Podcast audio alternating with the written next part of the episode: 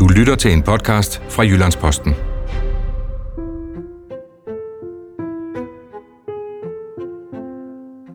Velkommen til Jalving ser rødt, som er en podcast, hvor jeg sammen med en lang række gæster retter blikket mod den borgerlige idékrise. Hvor er borgerligheden på vej hen i disse år? Hvad betyder det egentlig at være borgerlig, og hvad vil vi? Spørgsmålene er mange. Lad os se, om vi kan besvare dem her sammen. I dag skal det handle om de borgerlige og Danmarks statsminister. Er vi, de borgerlige, blevet bange for Mette Frederiksen, vores allesammens landsmoder og corona-commander-in-chief? Jeg er også bange for folkestemningen, der stadig ser ud til at holde, der helle mod lydighed frem for økonomisk overlevelse.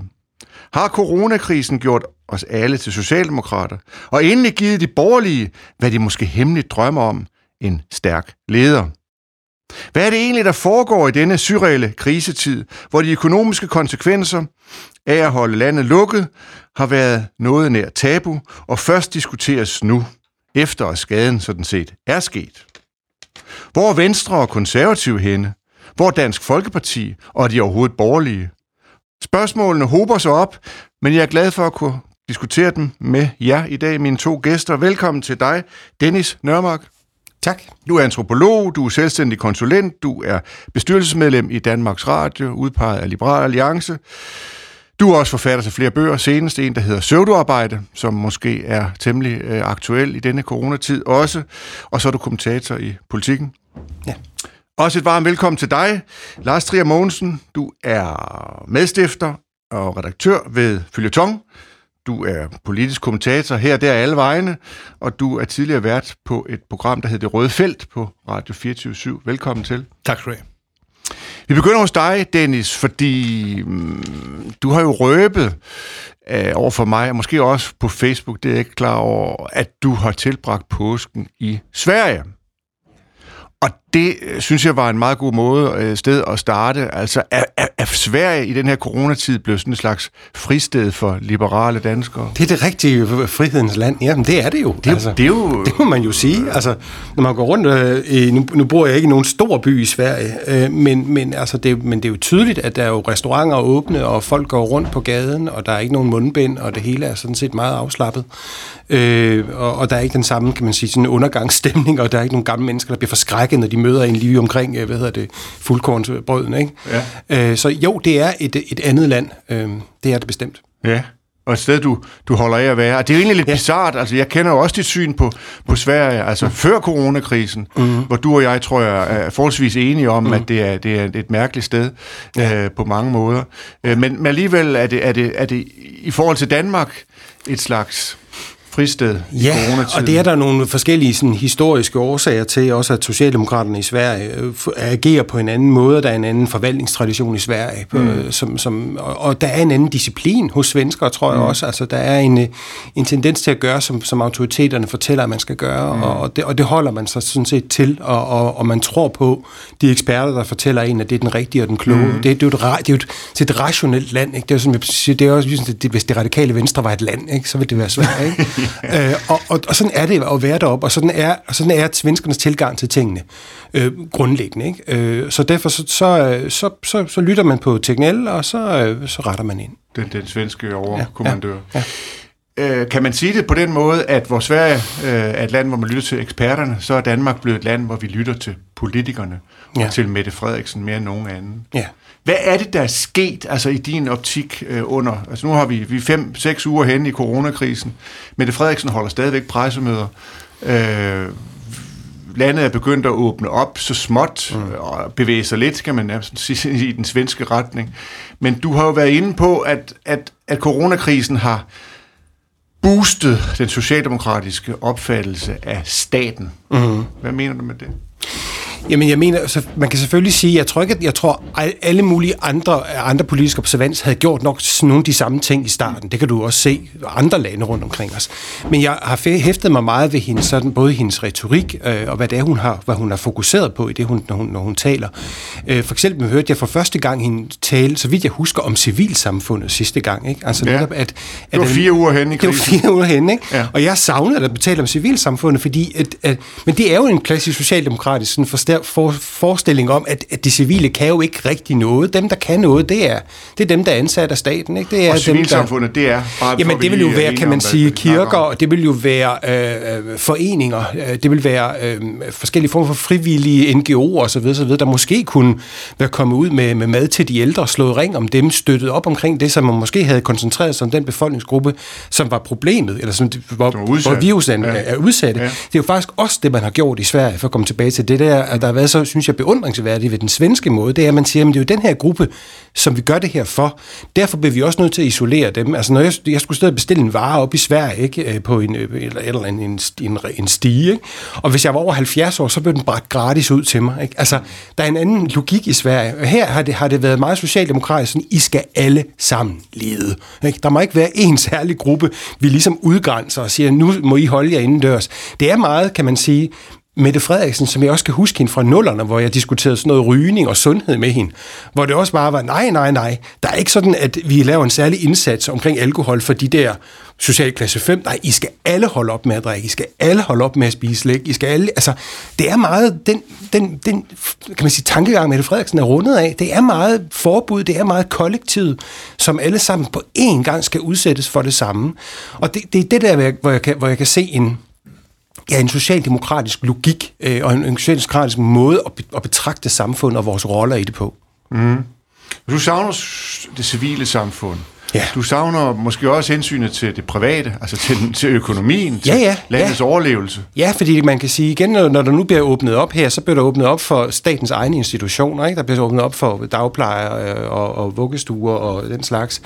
Øh, og, og det, det første, man bekymrede sig for om her, det var, jamen, hvad med de andre syge på hospitalerne? Er der plads til dem? Ikke? Det hele tiden, kan man sige, velfærdsstatens forskellige institutioner og tilbud, som man har haft øh, fokus på. Og, og, det, og det private er altså kommet meget sent ind som, som et, et fokusområde. Og det, det er jo også igen, det kunne man godt mistænke for at passe meget godt i en socialdemokratisk grundlæggende sådan, optik og, og samfundsopfattelse. Jeg skal lige indskyde, altså hvis, hvis man kan høre nogle mislyde i baggrunden, så er det ikke også der slås endnu i hvert fald. Det er nogle håndværkere på tredje sal, der er i gang med, ja. med et eller andet. Ja, måske er det nogle bankrøver, hvad ved jeg. Altså, der er i hvert fald hæftig aktivitet, det er det, man kan høre. Ja. Øhm, Lars Trier Mogensen, øh, du har også øh, brugt øh, det meste af coronakrigen, krig, krigen skulle jeg sige, krisen, på at være opholdt dig i Sverige. Du altså, gamla, du fria, du fjeldbygger nord. Men det der, nu har jeg to øh, halvsvensker i studiet her, det plejer jeg ikke at have. Hvad er det ved Sverige, at du, du har et hus derovre ved jer, mm. du kan så tage det over og være lidt fri og arbejde, og du har måske familien med og sådan noget, men hvad er det ellers ved Sverige, der er tillokkende i den her coronatid? Ja, nu er det jo først og fremmest, at man kommer ud helt isoleret i natur. Altså, der er jo stort set ikke ligesom naturområder tilbage i Danmark. Det er der virkelig i Sverige. Så det første og primære er jo, at man på en eller anden måde sættes fri og jo også isoleres. Så det er jo på en måde, mange måder været et optimalt sted også at, at være med familien, men det har været altså virkelig omvæltende at opleve den forskel, den kæmpe store mentalitetsforskel, der har været på tværs af, af Øresund. Og jeg synes også, det er interessant, fordi det på en eller anden måde kortslutter nok lidt nogle af de fordomme om forbuds Danmark, som blandt andet, altså du ligesom har gjort mm-hmm. dig til spydspids for i, i mange år. Fordi jeg oplever, og det har jeg sådan set hele tiden gjort, at Sverige er for det første et meget større land. Et land, der er meget mere internationalt orienteret, hvor, hvor eksporterhvervene, industrien, har en lang større stemme, også i Stockholm blandt øh, politikerne. Så det er ligesom at tage hensyn til, at der kan eksporteres. Det er ligesom noget, der vejer enormt tungt. Men der er også på den måde et internationalt udsyn i forhold til arbejdskraft og, og, og alle de diskussioner, der har været i de senere år. Men der er nok også i virkeligheden måske en anden uafhængighedstrang.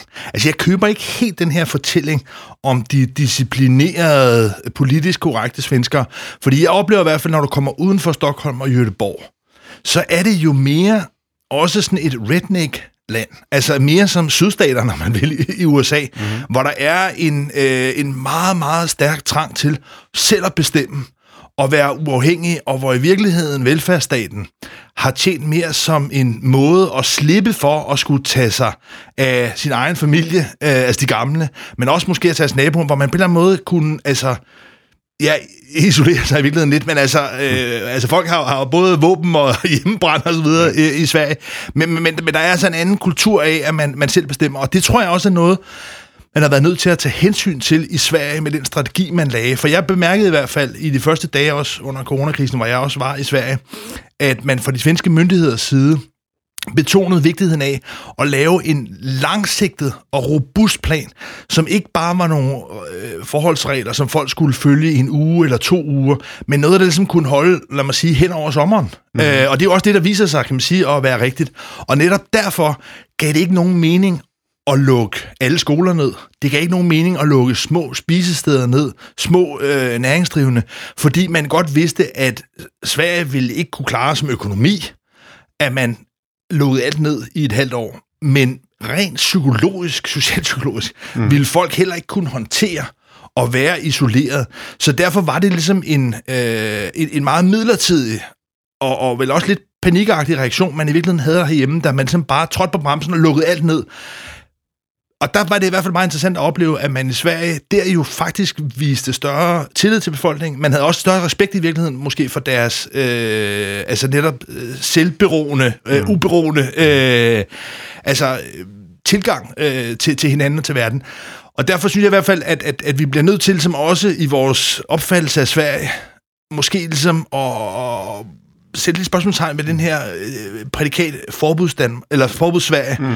og i virkeligheden vende det mere som et spejl. Mm. Altså ofte, når vi har diskuteret Sverige, har det jo også ligesom været en diskussion i virkeligheden om selv og, og om Danmark, men jeg synes i hvert fald, det, det, det er tankevækkende, at det er Danmark, der har været forbud. Det er Danmark, der har haft mistillid til civilsamfundene, til øh, almindelige borgere, og man i stedet for ligesom har accepteret den her krigstilstand. Det var meget sjovt, Freudian slip, du sådan set havde, ja. øh, med at sige, at det var en coronakrig. For det er jo lidt den måde, det er blevet sat i scene i Danmark af statsminister Mette Frederiksen.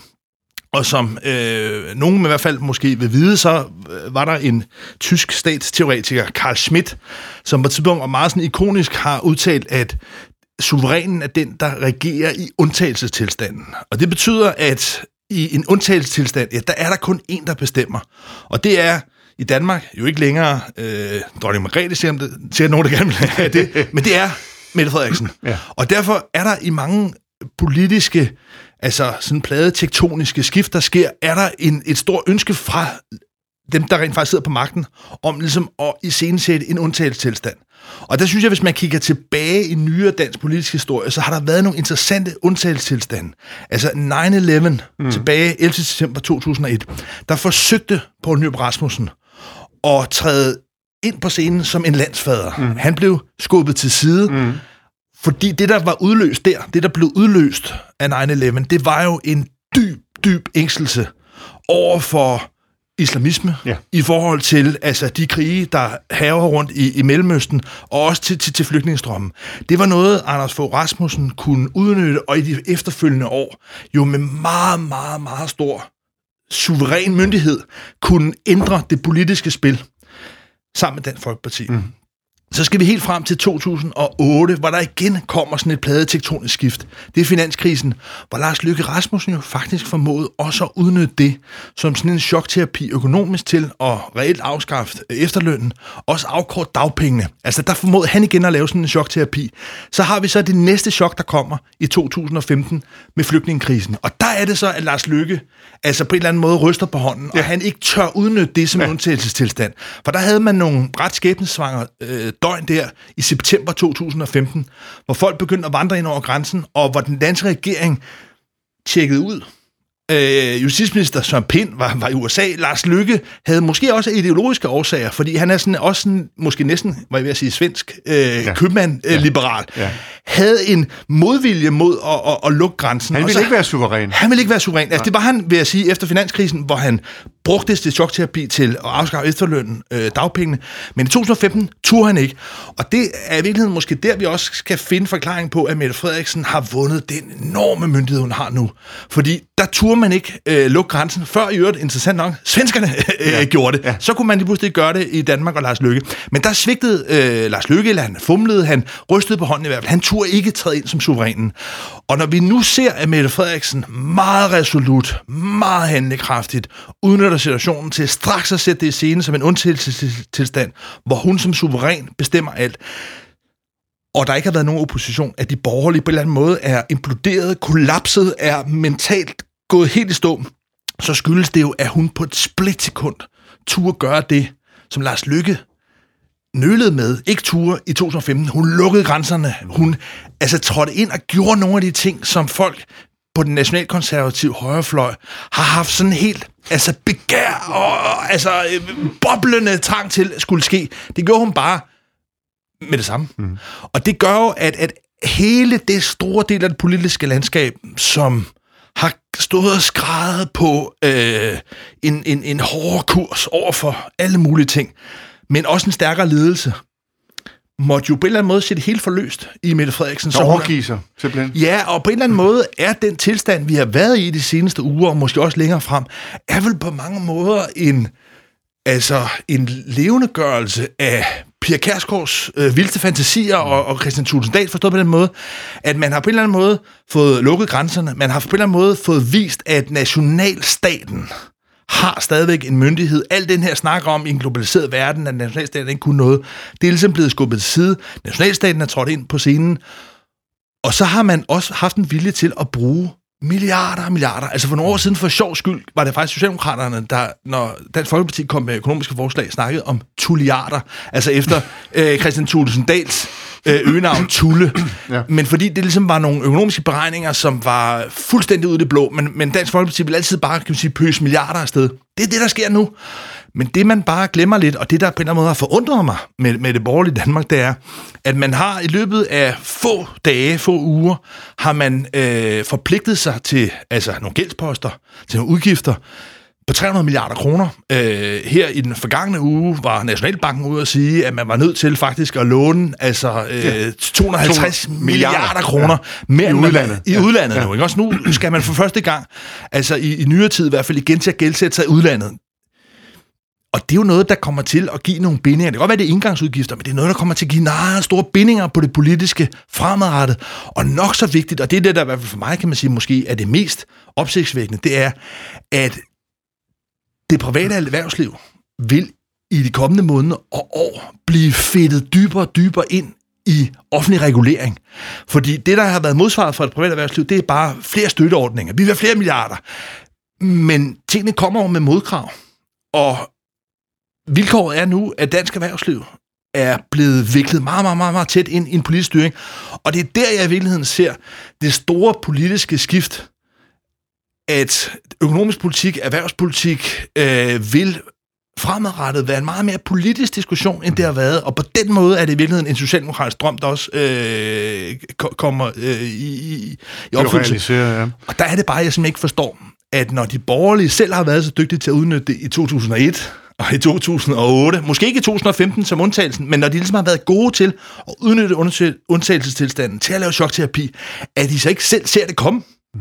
Men, men man må bare sige, at øh, det danske samfund er blevet farvet meget mere rødt, man kunne sige blodrødt, øh, af hele den her coronakris.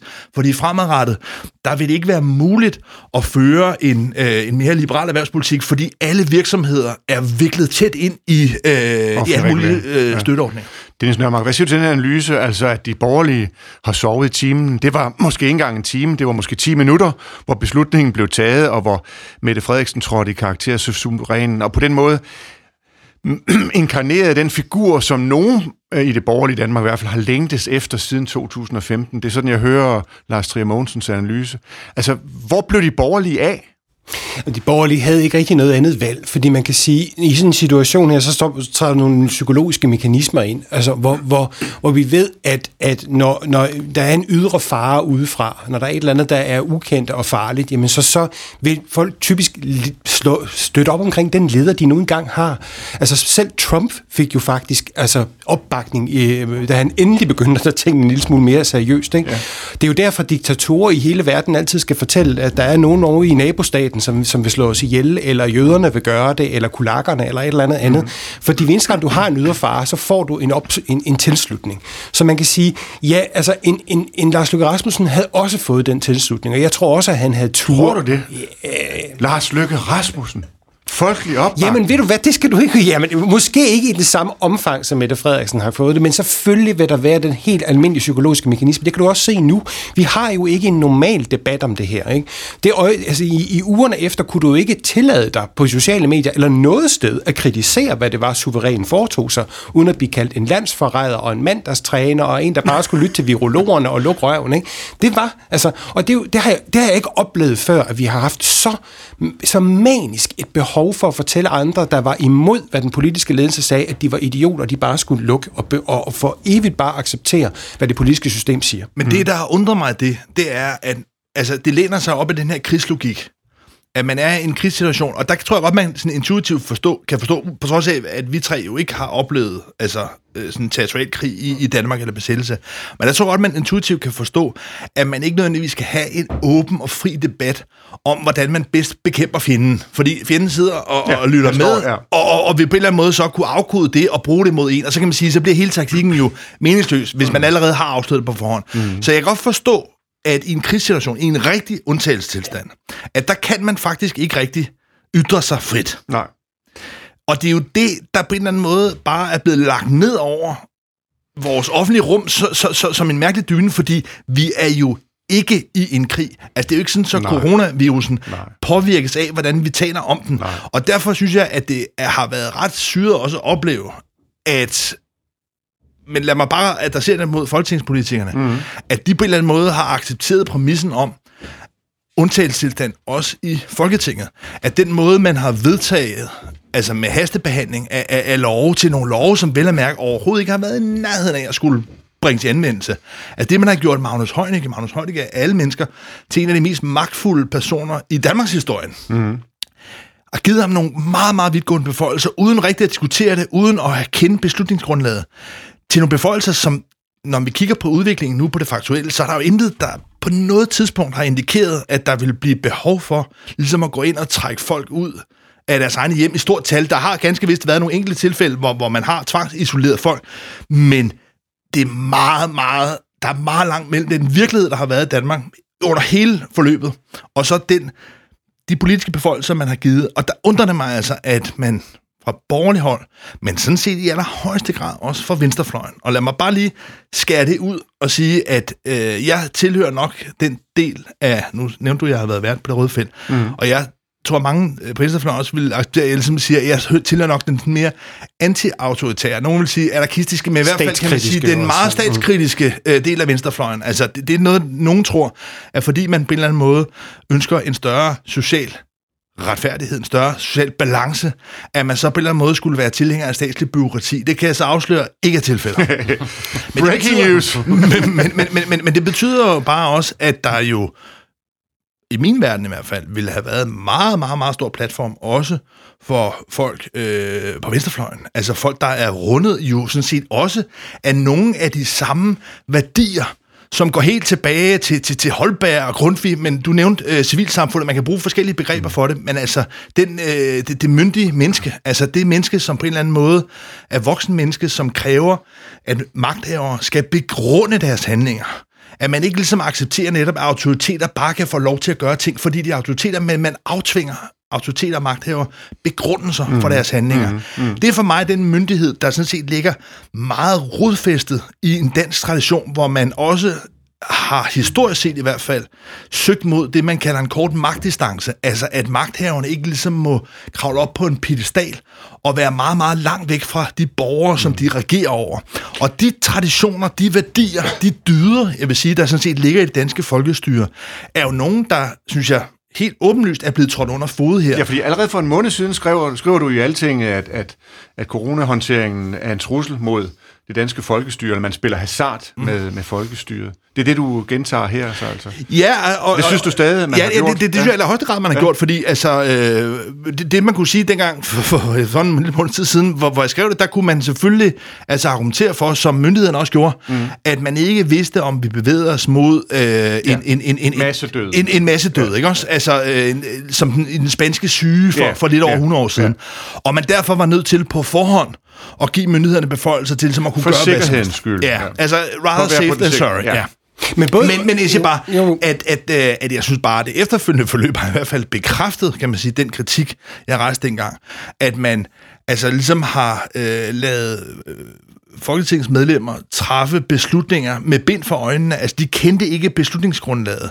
De vidste ikke, at sundhedsmyndighederne rent faktisk var ikke bare skeptiske, men faktisk altså, havde anbefalet, at man mm. ikke gjorde nogle af de ting, som man, man, man, man gav befolkninger. Mm. Og der må man sige, der, der er det jo bare altså også i en krisestund, netop når vi ikke er op mod en fjende, som sidder og lytter med ja. med, med, med, med, med radioantenner, ikke?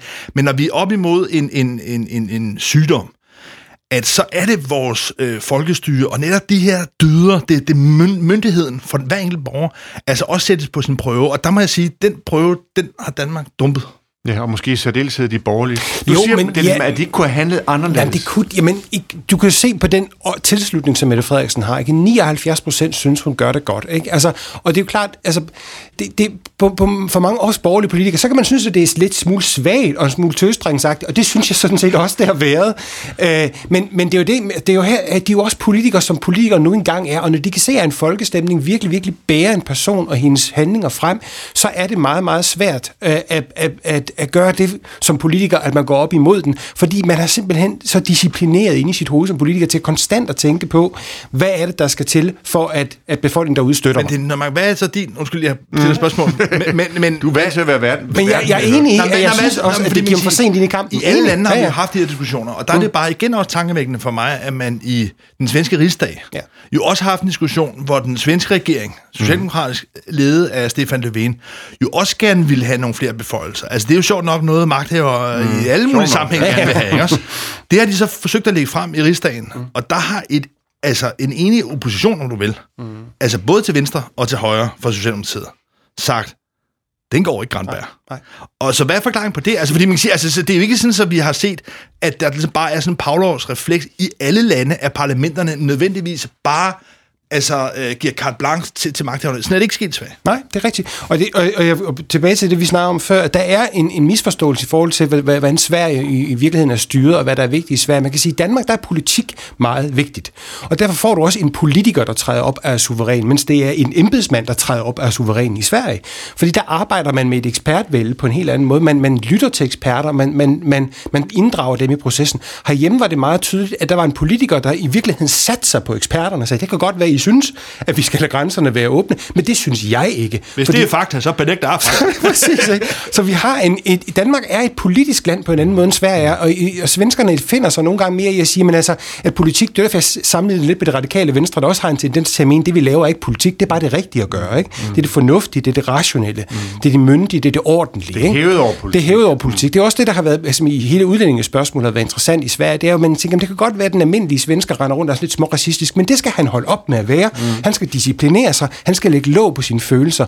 Svenskerne, Sverige er et ekstremt usentimentalt land, øh, og de kan ikke lide det sentimentale. De kan ikke lide det der blødsødende ak. Jo, de får det ud i deres popsange, men de får det æder med mig ikke ud i deres politik. Mens Danmark har en helt anden sentimentalisme. Jeg kan godt lide, at Mette Frederiksen sidder der et menneske, ikke? og vi kan mærke hende. Det er sådan noget. Svenskerne gider sgu ikke mærke deres politikere. Det, det rager min høstblomst. De skal, have, de skal være myndige og ordentlige og tage mm. kloge beslutninger. Mm. Og jeg tror, det er det, der også sker i det svenske parlament, det er, mm. men de, de, de, de kan se, det, det er meget principielt land, ikke? hvor man by, bygger det på nogle principper, og det er det, der gør, at man tænker, mm. det, det, det politik får du ikke lov til at føre, mm. fordi du skal Men, ikke have lov til at være en politisk aktør på samme måde. Du, jeg blev overrasket over, at nationalstaten stadig fandtes. Jeg troede, den var aflyst og, ja. og skubbet væk og mm. placeret i, på historiens, historiens møding og alt det der. Ja.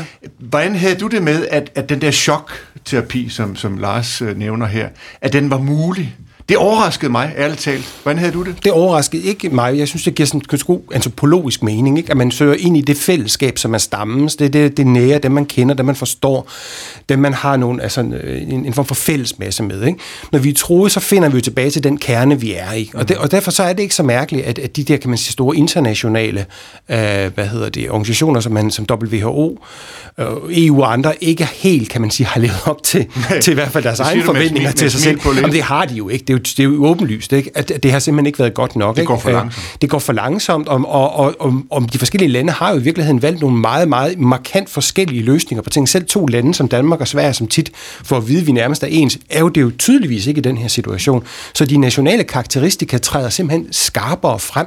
Mm. Vi kan også se, at grunden til, at, at smittespredning får den, kan man sige, den fart og det omfang, den gør, er også kulturelt betinget. Det har noget at gøre med, at man i, i, i Sydeuropa faktisk gider at være sammen med sine ældre, hvilket jo sådan set er meget smukt, men i det her tilfælde rent faktisk er problematisk. Ikke? Mm.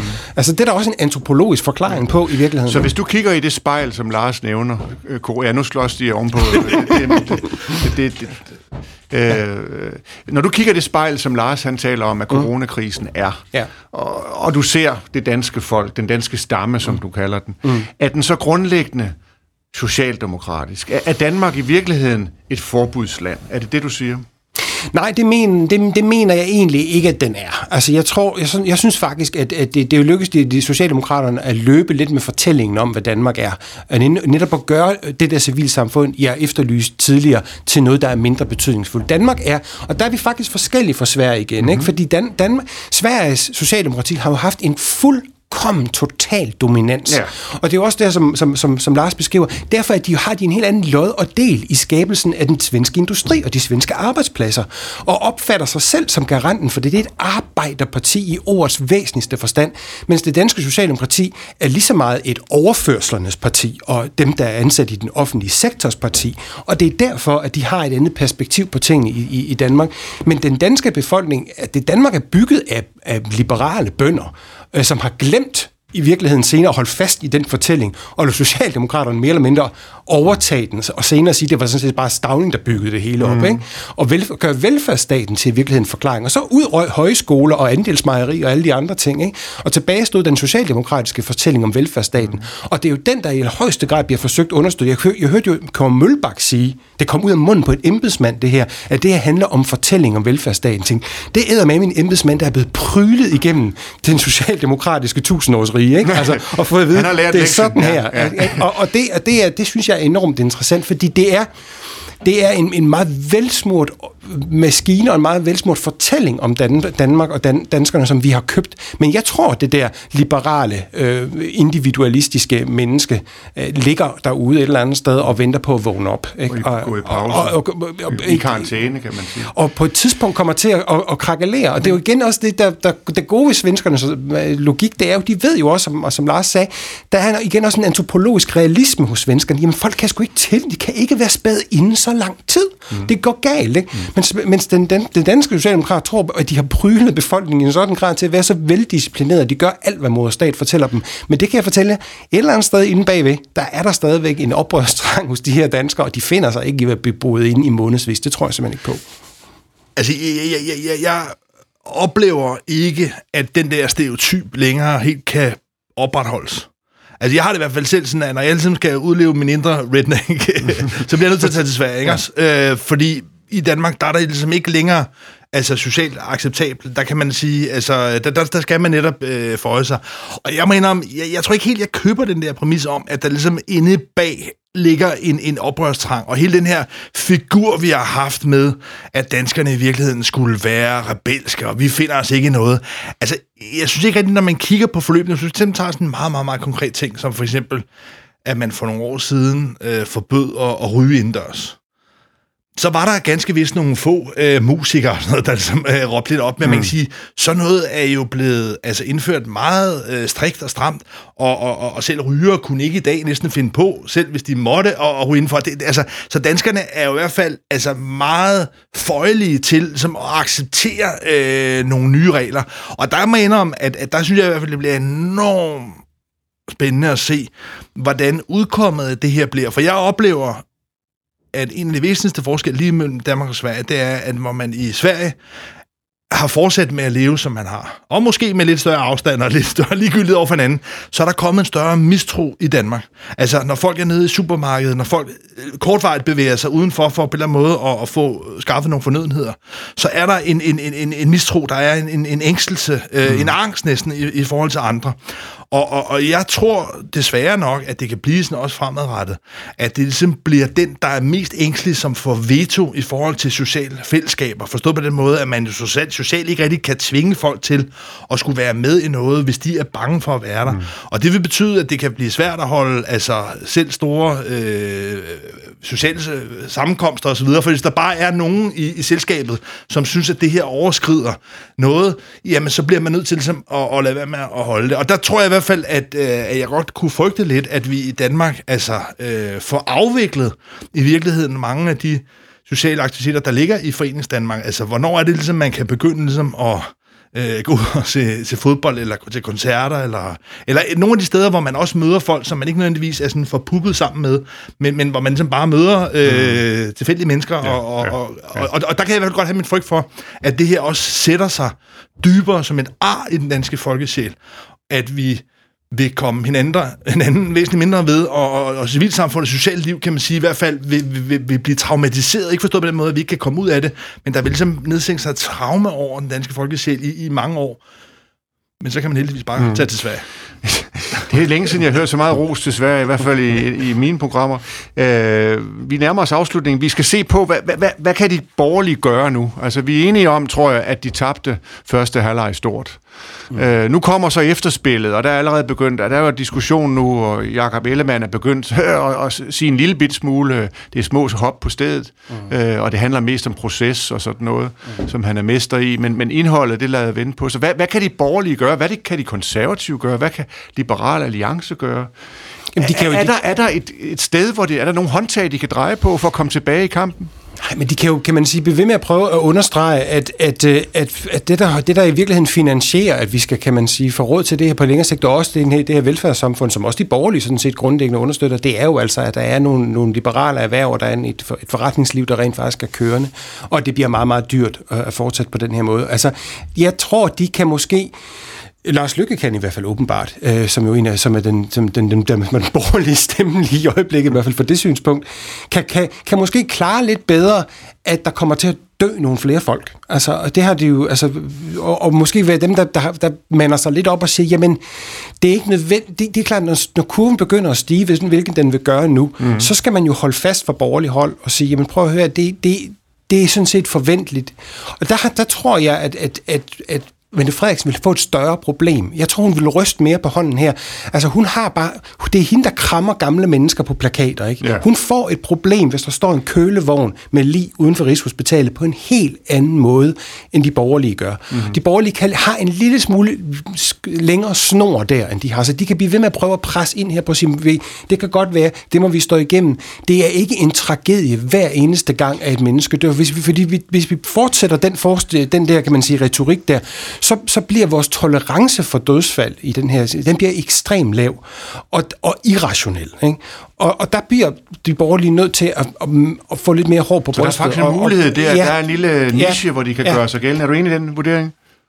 Dybest set nej. Altså, øh, de borgerlige har tabt den ideologiske krig.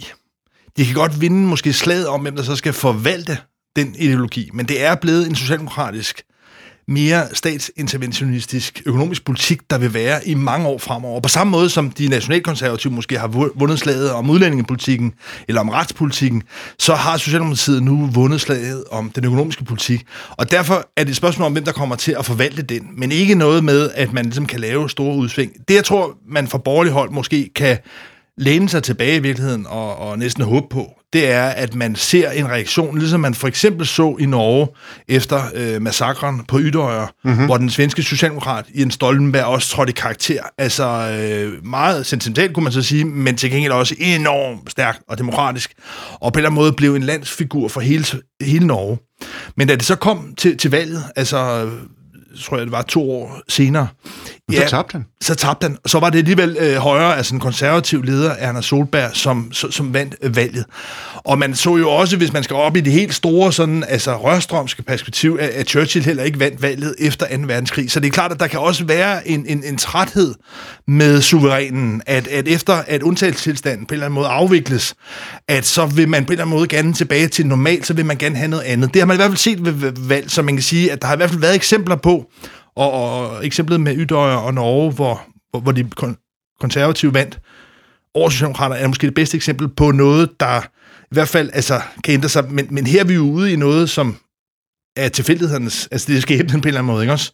Øh, og der tror jeg, at Mette Frederiksen har opbygget også en personlig popularitet, der gør, at næste gang vi får et valg, hvor der vil være en usikkerhed om, hvorvidt det bliver Mette Frederiksen, der bliver statsminister, øh, det er, når øh, Venstres formand ikke længere hedder Jakob Ellemann Jensen. Jeg tror simpelthen ikke, at i hans periode, øh, at han vil være i stand til at udfordre Mette Frederiksen på statsministerposten. Så på den måde har hun fået forlænget, kan man sige, sin regeringsperiode. Og hun også har det lagt de ideologiske skinner. Det er jo også det, du siger. Ja, ikke? Altså, den, ja. skinnerne er lagt. Nå, men altså, Jacob Ellemann Jensen har jo ikke på noget substantielt indholdsmæssigt niveau nogen udfordring af, hvad Mette Frederiksen har foretaget sig på noget tidspunkt. Altså, han har så ligesom foreslået, at man skulle bruge lidt flere penge på hjælpepakker. Han har foreslået, at nogle ting måske skulle rykkes lidt altså i, i, i, i kalenderen.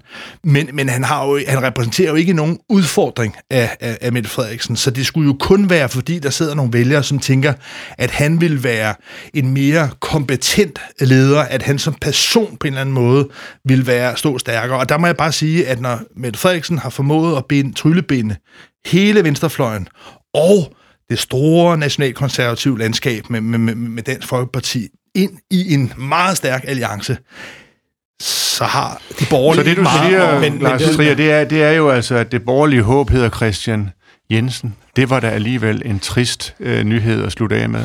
Altså, Lars, det, det, man kan sige, det, det, du har ret på, hvis du skal kigge på det, din magtpolitisk perspektiv, ikke? Altså, så er det klart, så, så, er det, så står den, så er den vanskelig at redde for dem. Jeg prøvede at overveje bare et øjeblik naivt, at politik også handler andet end at bevare magt, men du er selv der interesseret Carl Schmidt fra starten, ikke? Men, men, men, men, men hvis vi skal gøre noget godt for det borgerlige Danmark som sådan, og de borgerlige stemmer derude, så var det den vej, jeg prøvede at anvise før, men det er fuldstændig rigtigt. Hvis vi kigger i det store magtpolitiske spil, så er det godt være, at det allerede er tabt. Og det blev de sidste ord i dag. Lidt trist, men øh, vi er nødt til at se virkeligheden i øjnene. Det er i hvert fald øh, ambitionen med det her program. Tusind tak for jeres deltagelse, Lars Trier Mogensen og Dennis Nørmark. Tusind tak.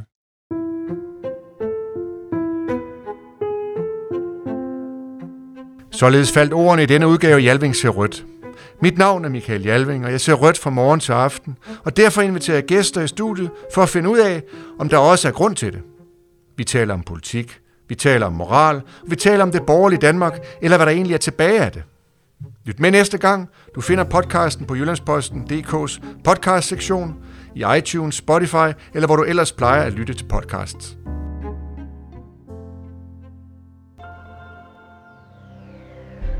Du har lyttet til Jyllandsposten.